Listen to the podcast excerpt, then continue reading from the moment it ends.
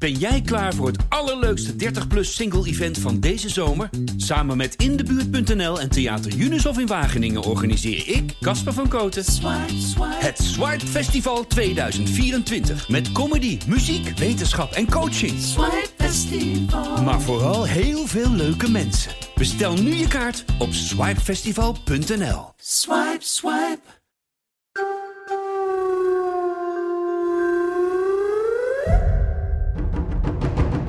De VVD en groep de Mos staan fucking alweer buiten de poort. Dat kan toch niet? Maar toen ging het hier helemaal mis op het stadhuis.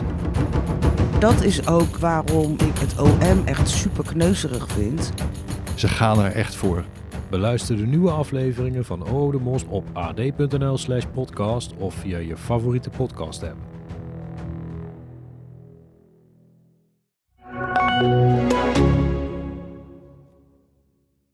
Wat doe je als je geliefde van de ene dag op de andere de relatie verbreekt?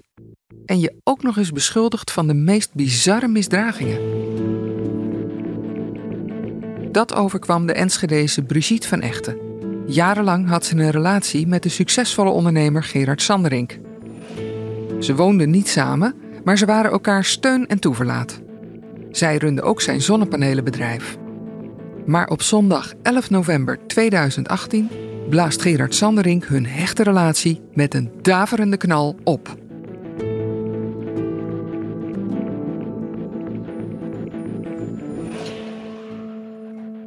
Brigitte zit die ochtend op Gerard te wachten, samen met huisvriend Henk.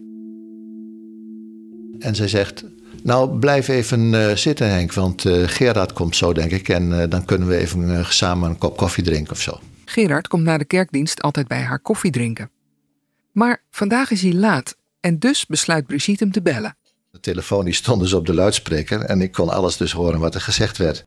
En toen eh, eh, kwam er een, eh, ineens een stem aan de telefoon. Waarvan ik dacht van nou dit is meer Voldemort dan Gerard. Een hele strenge, boze stem. Ik kom niet, ik kom nooit meer, want de relatie is verbroken. En wat is dat Gerard? Ja, ik heb een onderzoek gehad van de Amerikaanse Veiligheidsdienst, eh, de NSA. En eh, in verband met mijn veiligheid in Saoedi-Arabië. Daar zijn dingen uitgekomen waar ik helemaal verbaasd over ben. Miljoenen die zijn naar Afrika eh, verdwenen. En dat ligt aan jou. Je bent helemaal ingepalmd door Afrikaanse criminelen. En daar ben jij niet tegen opgewassen. En je hebt zelfs seks met die mensen. Nou, wij waren dus helemaal flabbergasted. Ja, wat hebben jullie toen tegen elkaar gezegd? Nou, ik zeg, wat heeft Gerard? Zou die een TIA hebben gehad of zo? Dat hij, dat hij eh, de een of andere eh, rare hersenkronkel heeft. Zou, zou die onder de invloed zijn van een of andere rare secteleider of zo? We wisten gewoon niet wat er aan de hand was. Eh, wij, wij beseften natuurlijk absoluut niet dat dat eh, vier, vijf jaar later nog steeds eh, een, een, enorme zaak zou zijn. En dat het leven van Brigitte helemaal op de kop zou worden gezet. Dat, dat, dat idee hadden we toen helemaal nog niet. Henk heeft gelijk. Dit is het begin van een jarenlange strijd die mensen en bedrijven kapot dreigt te maken. Want Gerard Sanderink staat niet onder invloed van een secteleider, maar wel van iemand anders. Het is zijn nieuwe vriendin, Rian van Rijbroek, die hem heeft verteld dat Brigitte uit is op zijn miljoenen. Maar waar Rian niet op rekent, is dat Brigitte terugvecht. En hoe? Dit is de vijfde aflevering van In de Ban van Rian. Een podcast van Tubantia en het AD. Ik ben Angelique Kunst, onderzoeksjournalist bij Tubantia. In de vorige aflevering vertelde ik je hoe Rian naam probeert te maken als cybersecurity-expert. Via oud-minister Willem Vermeend komt ze overal binnen. Maar bij Nieuwsuur valt ze door de mand. Ze blijkt een cybercharlatan. En toch lukt het haar om indruk te maken op ICT-ondernemer Gerard Sanderink. Binnen no time kruipt ze in zijn hart, in zijn telefoon en in zijn computer. En dat merkt Brigitte van Echten al direct na het bizarre telefoongesprek. Want een paar uur na dat gesprek ontvangt ze een mail van Gerard Sanderink. Dat is raar. Gerard mailt eigenlijk nooit, dat kan hij helemaal niet. En dit e-mailadres heeft hij dus ook nog nooit gebruikt. Maar de boodschap ligt er niet om. Sanderink vraagt of ze vrijwillig ontslag wil nemen uit de stichting die zij nalatenschap zal beheren. Hun relatie is immers over en ze zou veel te veel te zeggen krijgen over zijn geld. Brigitte kan niet geloven wat ze leest. Maar als ze de ondertekening ziet, weet ze zeker dat er iets heel erg mis is. Het bericht is namelijk getekend door Gerard van Sanderink. Dit kan Gerard nooit zelf hebben geschreven. Want wat er ook met hem aan de hand is, zijn eigen naam kent hij toch nog wel? Wie doet dit? Het duurt nog weken voordat ze een aanwijzing krijgt wie er in Gerards hoofd is gekropen. Een directeur van Centric vraagt Brigitte in een telefoongesprek of zij al eens van ene Rian van Rijbroek heeft gehoord. Hij vertelt haar dat de top van Centric zich zorgen maakt. Die nieuwe vriendin lijkt wel heel veel invloed op de baas te hebben. Nog tijdens het gesprek googelt Brigitte die naam.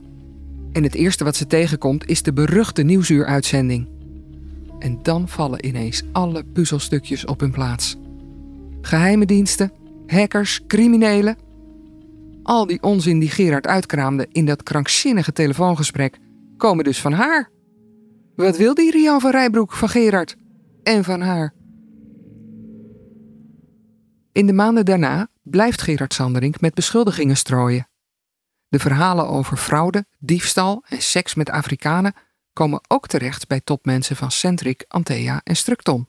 En bij Brigitte van Echtens eigen personeel. Ze vindt het verschrikkelijk dat haar goede naam te grabbel wordt gegooid. En ze kan niet geloven dat haar jarenlange relatie met Gerard op deze manier tot een einde komt. Het zijn allebei hele sterke persoonlijkheden. Brigitte is uh, ja, heel uh, intelligent en is heel zorgzaam. En Gerard die is excentriek en heel veel eisend en heel erg gedreven. En die mensen die hebben uh, echt bewondering voor elkaar. En ze konden elkaar ook heel erg ja, bewonderend aankijken af en toe. Maar dat nam niet weg dat ze ook ontzettend op een harde manier elkaar konden corrigeren. Maar het is een hele bijzondere relatie dus die ze met elkaar hebben. Die dus gekenmerkt wordt door heel kritisch tegen elkaar zijn, maar ook door ja, veel, veel respect. Van dat respect is begin 2019 weinig meer over. Als de beschuldigingen maar blijven aanhouden, sleept Brigitte haar ex-geliefde voor de rechter. Op 3 april 2019 moet hij zich verantwoorden voor smaad en laster. Ik ga voor Tubantia naar deze zitting, want ik vind de beschuldigingen bizar. Op de redactie kennen we Gerard Sanderink en zijn vriendin al jaren. En ze zijn het toonbeeld van degelijkheid. Ik vraag me af wat hier in vredesnaam aan de hand is. Henk is er ook bij. Nou, in, die rechtszaak die toen volgde, stelde hij zich ook heel redelijk op. Als de accountants, als die zouden, uh, niks zouden vinden, dan was de zaak afgedaan. Dan zou hij sorry zeggen en dan uh, was de zaak uit de wereld. Toen was, werd er even geschorst om de advocaten dan gelegenheid te geven om afspraken met elkaar te maken. Toen liep ik met Brigitte naar buiten en Gerard staat op een meter of twintig afstand. Ze kijken elkaar aan, ze lopen op elkaar af. Ze knuffelen elkaar, zo van alsof, alsof het allemaal weer goed komt. En ik dacht van nou, dat is prachtig. Ik zie dit moment ook gebeuren. Sterker nog, ik hoor dat Brigitte geëmotioneerd op Sanderink inpraat. Gerard, ik heb niets gedaan, dat weet jij ook. Hoe durf je dat over mij te zeggen? Hoe kun je? Er is iemand anders in je hoofd gekropen. Dit ben jij niet. Hij staat er nogal schutterig bij. Hij mompelt wat. En dan grijpt hij haar bij de schouders en vraagt: Zand erover? Er volgt een innige omhelzing. Ik stop mijn schrijfblokje weg, want hiermee is de zaak wel klaar, denk ik. Maar niets is minder waar. Want de volgende dag heeft mijn collega Gerben Kuitert een interview met Sanderink. En in dat gesprek herhaalt hij zijn beschuldigingen aan het adres van Brigitte van Echten gewoon nog een keer. En nu lezen er tienduizenden mensen mee. En nog gekker, vanaf het mailaccount van Sanderink worden ineens allerlei juridische stukken over het conflict naar de media gestuurd. Dat blijkt het begin van een patroon dat zich in de jaren erna steeds herhaalt. Advocaten en rechters sturen aan op beschikking. En dat lijkt een aantal keren bijna te lukken. Sanderink stelt zich best redelijk op. Maar als hij er een nachtje over heeft geslapen, maakt hij toch weer een draai.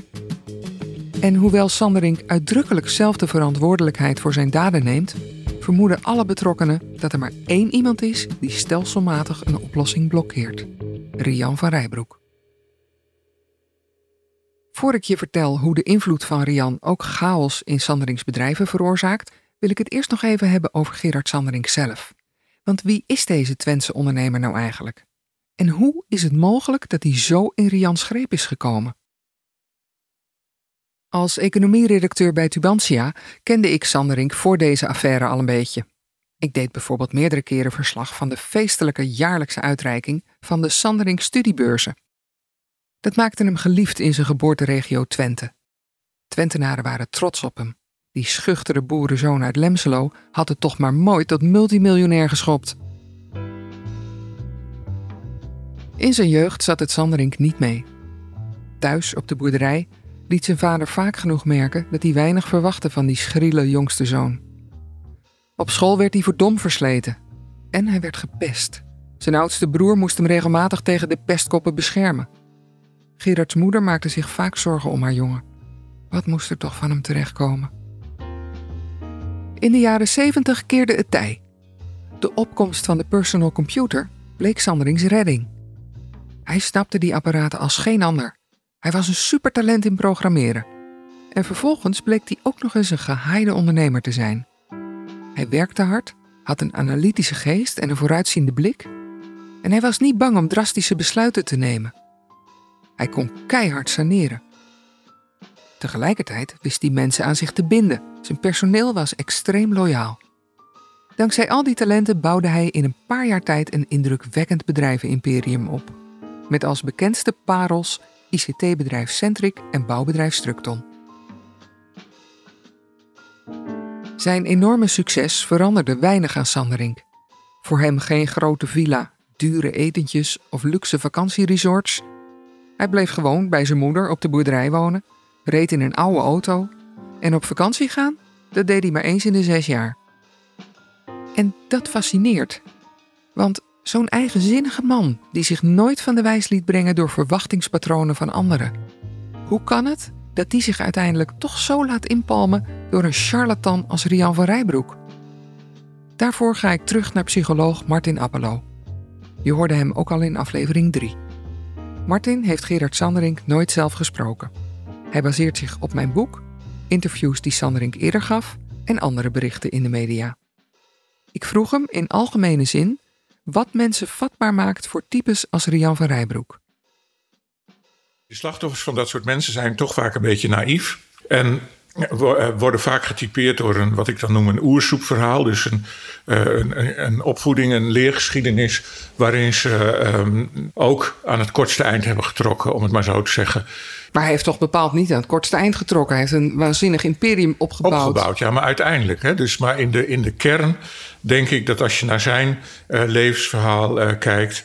Uh, dan heeft hij in ieder geval een vader die continu hem afkraakte. Die continu zei van je bent niet goed genoeg. En dan was het ook nog een klein mannetje um, die ook gepest werd op school.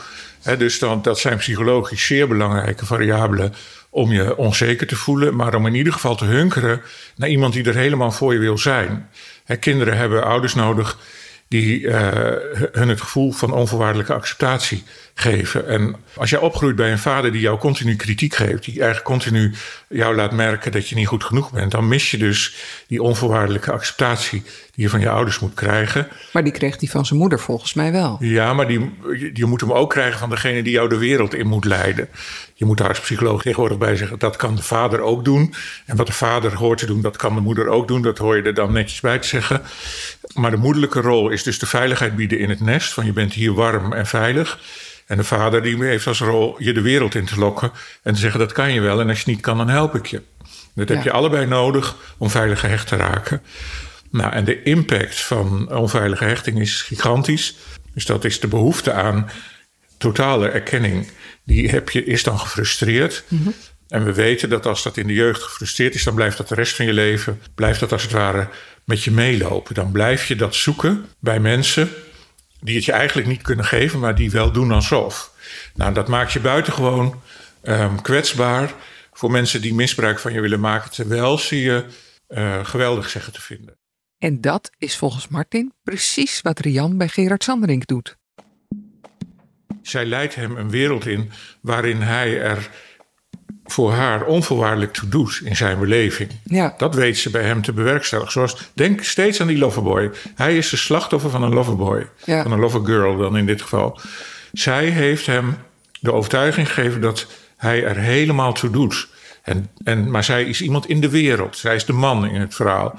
Hij is het meisje. En hij gaat voor de bijl omdat hij een vroege symbiotische frustratie bevredigd weet in de armen van deze vrouw. En die bijt zich er dan ook nog eens totaal in vast wat hij zich voorneemt. Ja, en dan uh, zie je dat hij dus alles verliest. En hoe meer hij verliest, hoe meer hij zal vasthouden aan de overtuiging dat, uh, dat Rianne de enige echte is. Waarom dan? Omdat je anders moet toegeven dat je fout bezig bent. En dat willen dit soort mensen niet. Het gesprek met Martin heeft me belangrijke inzichten gegeven. Maar toch blijf ik me afvragen hoe het nou precies zit. Wat verbindt die excentrieke en eigenwijze man nou met die uitgekookte nep-expert?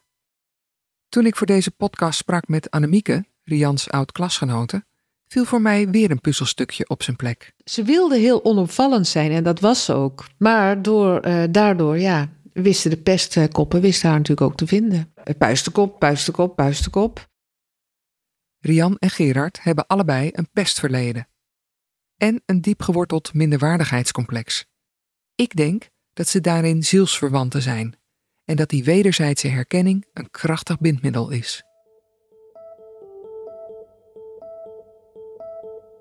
We gaan weer even terug naar 2018. Sanderink introduceert Rian van Rijbroek bij een aantal topmensen van zijn bedrijf Centric. Tijdens een meeting op golfbaan De Duke doet ze zich voor als super-expert. Ze vertelt hen dat er grote veiligheidsrisico's zijn bij Structon en dat ook Centric slecht beveiligd is. Maar de mensen die er echt verstand van hebben, prikken zo door haar onzinverhalen heen. En die schrikken zich dus rot als Sanderink met een aankondiging komt. Er komt een nieuwe cybersecurity divisie bij Centric. En zij krijgt de leiding. De onheilspellende verhalen over de invloed van Rian verspreiden zich door de top van het bedrijf. Meerdere vertrouwelingen proberen Sanderink tot reden te brengen. En dat lijkt in één op één gesprekken wel te lukken, maar het effect duurt meestal maar kort. En uiteindelijk keert die kritische houding zich tegen de vertrouwelingen. Eén voor één worden ze uit het bedrijf gewerkt. Sanderings kroonprins Karim Henkens vertrekt in januari en in de maanden daarna volgen er nog veel meer zwaargewichten. Tegen het eind van 2019 is de hele onderneming onthoofd. Gerard Sanderink maakt niet alleen ruzie met zijn vertrouwelingen binnen zijn bedrijven. Hij blijft ook in gevecht met zijn voormalige geliefde, Brigitte van Echten. En de beschuldigingen aan haar adres worden steeds gekker. Witwassen, diefstal, activiteit in de porno-industrie, deelname aan een moslimsecte.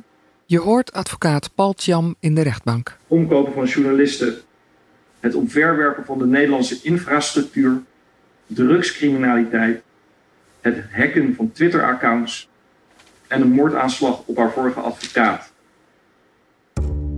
Ja, mijn naam is Paul Cham. Ik werk bij het kantoor Simmons Simmons en ik ben de advocaat van Brigitte van Echten. U bent inmiddels al drie jaar bezig met deze zaak tussen Sanderink en Van Echten. Hoeveel rechtszaken zijn er tot nog toe geweest? Hoeveel procedures? Ik heb ze allemaal geteld. Het zijn er 18. 18. 18 rechtszaken en er lopen ook nog acht hoge beroepen. Wat is er zo uitzonderlijk aan deze zaak, behalve dan dat het zoveel procedures zijn? In de eerste plaats de, de wederpartijen. Uh, je hebt te maken met wederpartijen die, die eigenlijk niet van ophouden weten. Uh, en ook de middelen hebben om maar door te gaan. Daarnaast is de toon van het debat knijterhard en heel erg op de man. En dat is ook iets wat ik uh, niet gewend was. Uh, maar inmiddels ja, is het eigenlijk bijna mijn dagelijkse, uh, dagelijkse bezigheid. Wat was tot nog toe voor u het meest verbijsterende moment in deze hele geschiedenis? Nou, er zijn zoveel verbijsterende momenten geweest. En zoveel momenten geweest waarvan ik echt dacht van... kan het nog gekker? Um, maar voor mij springt er toch wel uit uh, het moment waarop wij inzage kregen in de e-mails van de mailbox van Gerard Sanderink. Tjam heeft het hier over het zogeheten bewijsbeslag dat Van Echten liet leggen op de mailbox van Gerard Sanderink. Daarmee wilde ze aantonen dat er vanaf dat account voortdurend beledigende en beschuldigende mails over haar werden verstuurd. Ook nadat de rechter dat al had verboden. De inhoud bleek nog vele malen erger dan ze verwachten. Ik weet nog wel, ik, zat toen, ik was toen met vakantie in Slowakije. Ik zat op een hotelkamer en we kregen toegang tot die mails. En ik wist niet wat ik zag. Ik, ik was echt met stomheid geslagen. Omdat? In deze e-mails stond precies wat wij al die tijd al hadden gezegd en geroepen. Namelijk dat er nou honderden e-mails vanuit het IP-adres van mevrouw van Rijbroek naar derde waren gestuurd. Met daarin de meest bizarre beschuldigingen. En je denkt echt bij jezelf: hoe, hoe, hoe, hoe komt iemand erbij om dit soort e-mails te sturen? De mails geven inderdaad een unieke inkijk in de bizarre belevingswereld van Gerard Sanderink en Rian van Rijbroek. Zo mailt Sanderink aan toenmalig minister Grapperhaus dat Van Echten onder invloed is van een islamitische geestelijk leider. Ze zou in zijn opdracht bezig zijn de Nederlandse infrastructuur over te nemen. En ook zou ze namens die moslimsecte aandelen van Sanderingsbedrijf Oranjewoud opkopen? Onder vrijwel alle mails staat de naam van Gerard Sanderink. En in de rechtbank houdt hij ook bij hoog en bij laag vol dat hij en hij alleen verantwoordelijk is voor de inhoud van de mails. Wat ik alleen apart vind, is dat er natuurlijk uh, zoveel e-mails zijn verstuurd vanuit het IP-adres van uh, mevrouw van Rijbroek. Dat je je toch afvraagt of Sanderink met zijn drukke baan daar bij elke mail hè, vooraf zijn instemming heeft gegeven of achteraf zijn goedkeuring heeft gegeven. Ik weet het niet. Hij zegt het wel, dus uh, het, het zal wel zo zijn. Maar dat lijkt me dan nog een behoorlijke dayjob uh, naast het leiden van twee grote bedrijven. En als je goed leest, zie je wel wie die mailtjes eigenlijk tikt. En ook dat de ontvangers donders goed weten met wie ze daadwerkelijk contact hebben. Structon-directeur Eike Schoots mailt aan Gerard Sanderink. Ik overleg vandaag nog even met Gerard. Een Centric-topman schrijft. Allemaal erg vervelend voor Gerard en jou. En ook Rian zelf vergeet nog wel eens dat ze Gerard Sanderink speelt. In een mail aan een advocaat schrijft ze: De afspraak met Gerard Sanderink was destijds. Uit de mails blijkt dat ze nog een klein clubje vertrouwelingen heeft. Mensen die haar trouw zijn en die ze ook regelmatig betaalt voor vage diensten. Zo krijgt haar hartsvriendin 9600 euro overgemaakt. Voor hardware en software. En voor onderzoek bij zonnepanelenbedrijf DSS. Bijzonder, want deze vriendin heeft een schoonheidssalon en heeft voor zover bekend geen ICT-expertise. Ook Rians spiritueel raadsvrouwen krijgt elke maand 100 euro voor haar adviezen. Deze Brabantse doet aan Indiaanse healing. We horen haar advies geven in een telefoongesprek dat Rian opnam in 2019. Weet je wat jij moet doen? Ja. Balletjes opgooien. Ja, dat doe ik ook. Zo doe ik het ook. Ja. Ik, uh, ik, uh, maar niet vanuit mezelf, dat doe ik vanuit Gerard. Ja. Kijk, ik overal uit beeld blijf. Ja, en anderen het werk laten doen. Ja. Ja, dat klopt wel. Dat moet echt. Hm. Ja, want ik ben degene die altijd alles ziet. Je maakt geen fouten, maar snapte?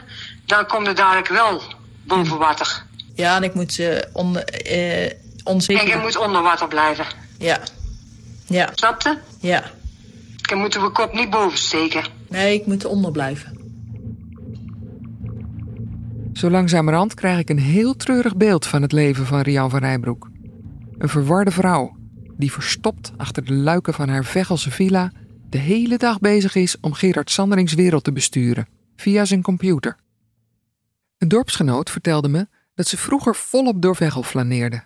In opvallende designerkleding, altijd luid pratend in haar iPhone maar ze vertoont zich vrijwel nooit meer in het dorp. En zelfs niet in Gerard Sanderings bedrijven. Ook al is ze daar volgens diverse torenhoge declaraties wel adviseur. Ook in de rechtbank houdt Rian van Rijbroek zich onzichtbaar. Volgens haar advocaat Gino van Tilborg heeft ze daar niks te zoeken. Van Echtens advocaat Cham ergert zich aan het verstoppertje spelen van Rian. Ik denk zelf altijd, als jij zo hard loopt te roepen dat iets zo is, leg het dan maar uit voor de rechter. Maar dat gebeurt niet. Er komt altijd een advocaat. Maar dat is toch weer anders, want een advocaat vertelt het verhaal van een advocaat. Terwijl een eh, persoon direct rechtstreeks vanuit zijn hart en vanuit zijn, zijn, zijn geweten een hopelijk uh, wat eerlijker en rechtstreeks verhaal kan vertellen. En dat is iets wat nu dus helemaal niet meer gebeurt, omdat je alleen nog maar de advocaten ziet die een, uh, ja, een voorgekoud verhaal ophouden. Het is alleen wel zo dat Sanderink heel sterk de hele tijd de verantwoordelijkheid voor alles wil nemen. Nou ja, dan vraag ik me soms af, is dat wel zo? Maar ik, uh, ik weet het niet. Ik blijf het een merkwaardige paradox vinden. Uit alles blijkt dat dat Vechelse meisje enorm hunkert naar erkenning. Ze tooide zich in de meest extravagante creaties van Versace. Ze schermde met modellenfoto's. Ze werkte zich in het zweet om een droomfiguurtje te krijgen. Ze wilde door de hele wereld gezien worden. Maar het resultaat is dat ze zich nu elke dag verschuilt in haar huis en niemand meer onder ogen komt. Hoe laat zich dat verklaren? Psycholoog Martin Appelo hinkt op twee gedachten. Nou ja, God zie je ook nooit en die bestuurt toch de wereld, zeggen sommige mensen. Met andere woorden, de poppen, de marionettenkoningin, die, die dus anderen het spel laat spelen wat zij bedenkt. Dat zou heel goed met een soort grootheidsidee eh, kunnen samengaan. Het kan ook angst zijn, dat weet ik niet. Maar, op de, hè, de, maar angst waarvoor dan? Om gepakt te worden. De gemiddelde um, maffiabaas, ja. die is ook onvindbaar. Maar is wel de spin in het web. Hè, en uh, in Colombia, de grote drugshandelaren, die zijn niet te vinden. Omdat ze in, in hun almachtsidee ook onvindbaar willen zijn voor, voor het systeem. Dus ik denk veel meer dat het, uh, dat het zoiets is. En die angst is niet ongegrond. Want aan Rians onzichtbaarheid dreigt een eind te komen. Op 22 december 2021 gaat s'morgens om 9 uur de deurbel bij Rian. Het is de deurwaarder. Ze komt beslag leggen op alle computerapparatuur, telefoons en USB-sticks die Rian in huis heeft.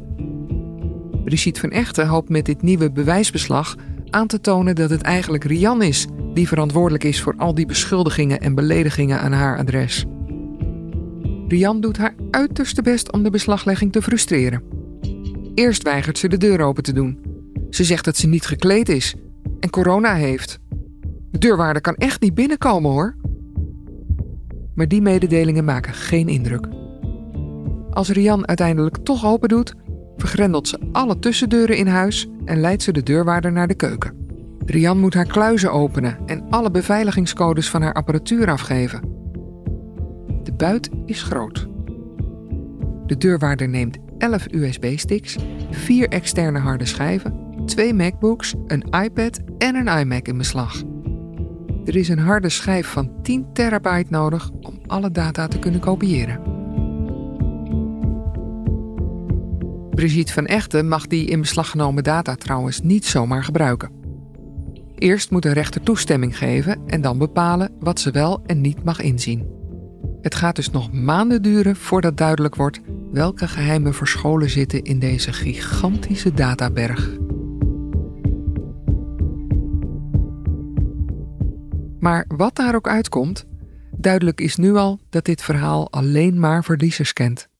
Sanderings reputatie is kapot. Zijn bedrijven lijden ernstig onder de uittocht van talent en de stroom aan negatieve publiciteit. Van Willem Vermeens geloofwaardigheid is weinig meer over. En ondernemers als Willem en Mario waren na de bemoeienis van Rian jaren van hun leven kwijt. En ook het leven van Brigitte van Echten ligt in puin. Maar zowel Henk als advocaat Paul Tjam zeggen dat Brigitte zich niet snel gewonnen zal geven. Zij is ongekend sterk uh, en heeft een ongekend rechte rug. Um, en ik denk ook echt dat Sanderink precies de verkeerde heeft uitgekozen om, om ruzie mee te krijgen. Um, en om vals te beschuldigen. Dus, dus uh, ik, ik, ik zie in haar een enorme vechter. En, en dat is zij nog steeds. Uh, ondanks dat, dat ze ook in, het zeker heel vaak echt, echt moeilijk heeft. Ze heeft een ongelooflijk uh, onveilig gevoel gekregen door al die beschuldigingen.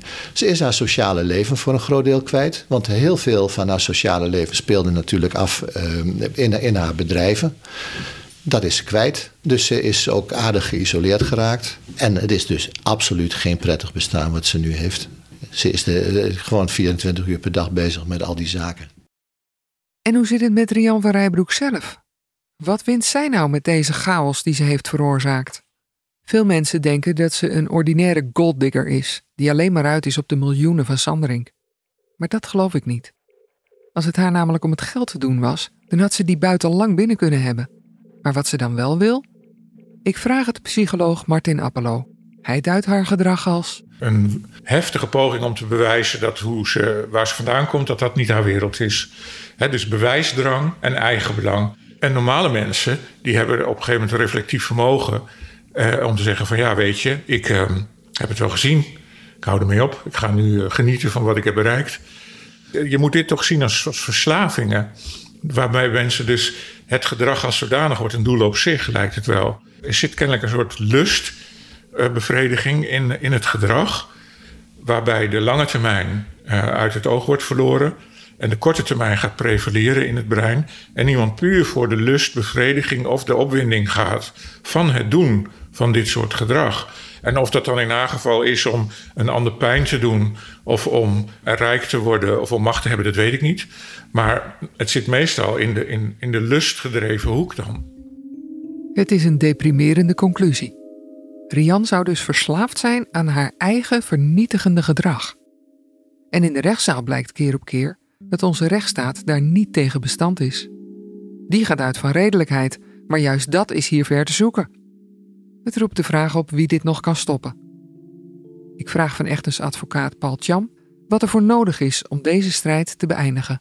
Nou, wat, er voor nodig is uiteindelijk om een schikking te bereiken, uh, wanneer er sprake is van een heel hoog oplopende ruzie en er ernstige uh, verwijten worden gemaakt, dan moet je er ook van bewust kunnen zijn dat de beschuldigingen die, die er weliswaar in je hoofd zitten, dat die mogelijk niet stroken met de werkelijkheid. Maar als dat flinterdunne puntje van licht, van, van enige vorm van zelfreflectie er, er niet is, en je dus zo hardgrondig één kant op kijkt, dan blijft het gewoon heel lastig om vervolgens alsnog het vergelijk te vinden met, met de andere kant. En, en als ik dan naar deze zaak kijk en zie wat er over en weer is gezegd en ook welke onderliggende bewijsstukken er zijn, ja, dan, dan, dan kan het niet anders, denk ik dan. Maar dat, dat beide partijen toch tot elkaar zouden moeten komen en moeten denken van joh, waar gaat dit eigenlijk over? Maar goed, we hebben het heel vaak geprobeerd, het is nog nooit gelukt. Maar met procedures komt er ook geen eind aan deze hele saga. Oh ja, dat is zeker waar. Ja. Dus we kunnen nog tien jaar doorgaan. Dat zou zomaar kunnen. Ja, dat uh, sluit ik inmiddels niet meer uit. En waar eindigt het dan? Dat weet ik niet. Nee, oprecht niet. Ja, je kijkt maar aan. Ik weet het echt niet. Ja, ik zou willen dat ik tegen jou zou kunnen zeggen... Uh, het stopt over twee jaar. Of ik verwacht dat het volgend jaar ophoudt. Maar uh, nee.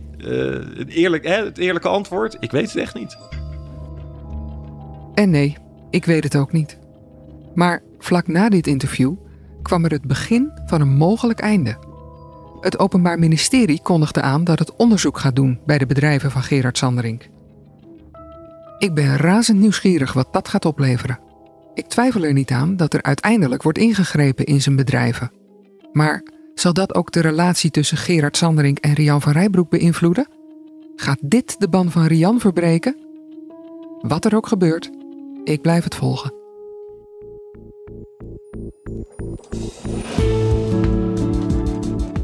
Dit was de vijfde en voorlopig laatste aflevering van In de Ban van Rian. Een podcast van Tubantia en het AD. Wil je nou meer weten over deze hele zaak? Want ik kon natuurlijk lang niet alles kwijt in deze podcast. Lees dan vooral mijn boek Er is er hier maar één de baas, uitgegeven door Atlas Business Contact. Mijn naam is Angelique Kunst en ik ben onderzoeksjournalist bij Tubantia. Ik maakte deze podcast met René van Heteren. Eindredactie deed Kevin Goes. Art Kok maakte de muziek en deed de mixage. Speciale dank aan Elke van Boksmeer, alle mensen die hun stem leenden aan de podcast en natuurlijk de bronnen die de moed hadden om mij van informatie te voorzien. Je luistert de podcast op tubantia.nl, ad.nl slash podcasts, de sites van de regionale dagbladen en alle andere plekken waar je podcasts vindt.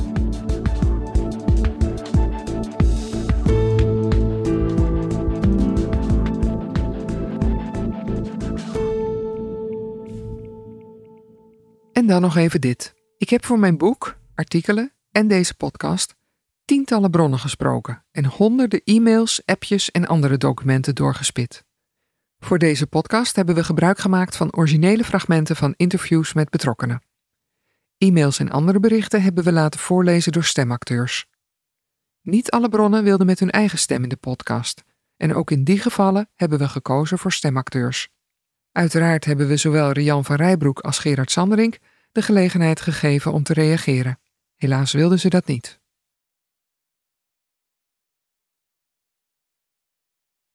De politie is woensdagmorgen opnieuw binnengevallen bij camping, Camping Fort Fort Oranje. Oranje tussen Breda en Rijsbergen. Op camping Fort Oranje, tussen Rijsbergen en Breda, kwamen verschillende werelden samen. Er woonden zo'n 700 mensen. En bij de ingang stond een slagboom. Maar dat betekende niet dat het daar binnen veiliger was dan er buiten. Zo gaat de gemeente met mensen om. Hoe kon het in hemelsnaam zo ver komen? Dat was Kees Engels. Nou, en toen, nou, toen knapte er iets. Echt, ik ben ook op van de stress. Dit is De Erfenis van Engel. Te beluisteren via de sites van het AD, B en de Stem en de aangesloten regionale dagbladen. Ben jij klaar voor het allerleukste 30-plus single-event van deze zomer? Samen met Indebuurt.nl en Theater Unisof in Wageningen organiseer ik, Casper van Koten, het Swipe Festival 2024. Met comedy, muziek, wetenschap en coaching. Maar vooral heel veel leuke mensen. Bestel nu je kaart op swipefestival.nl. Swipe, swipe.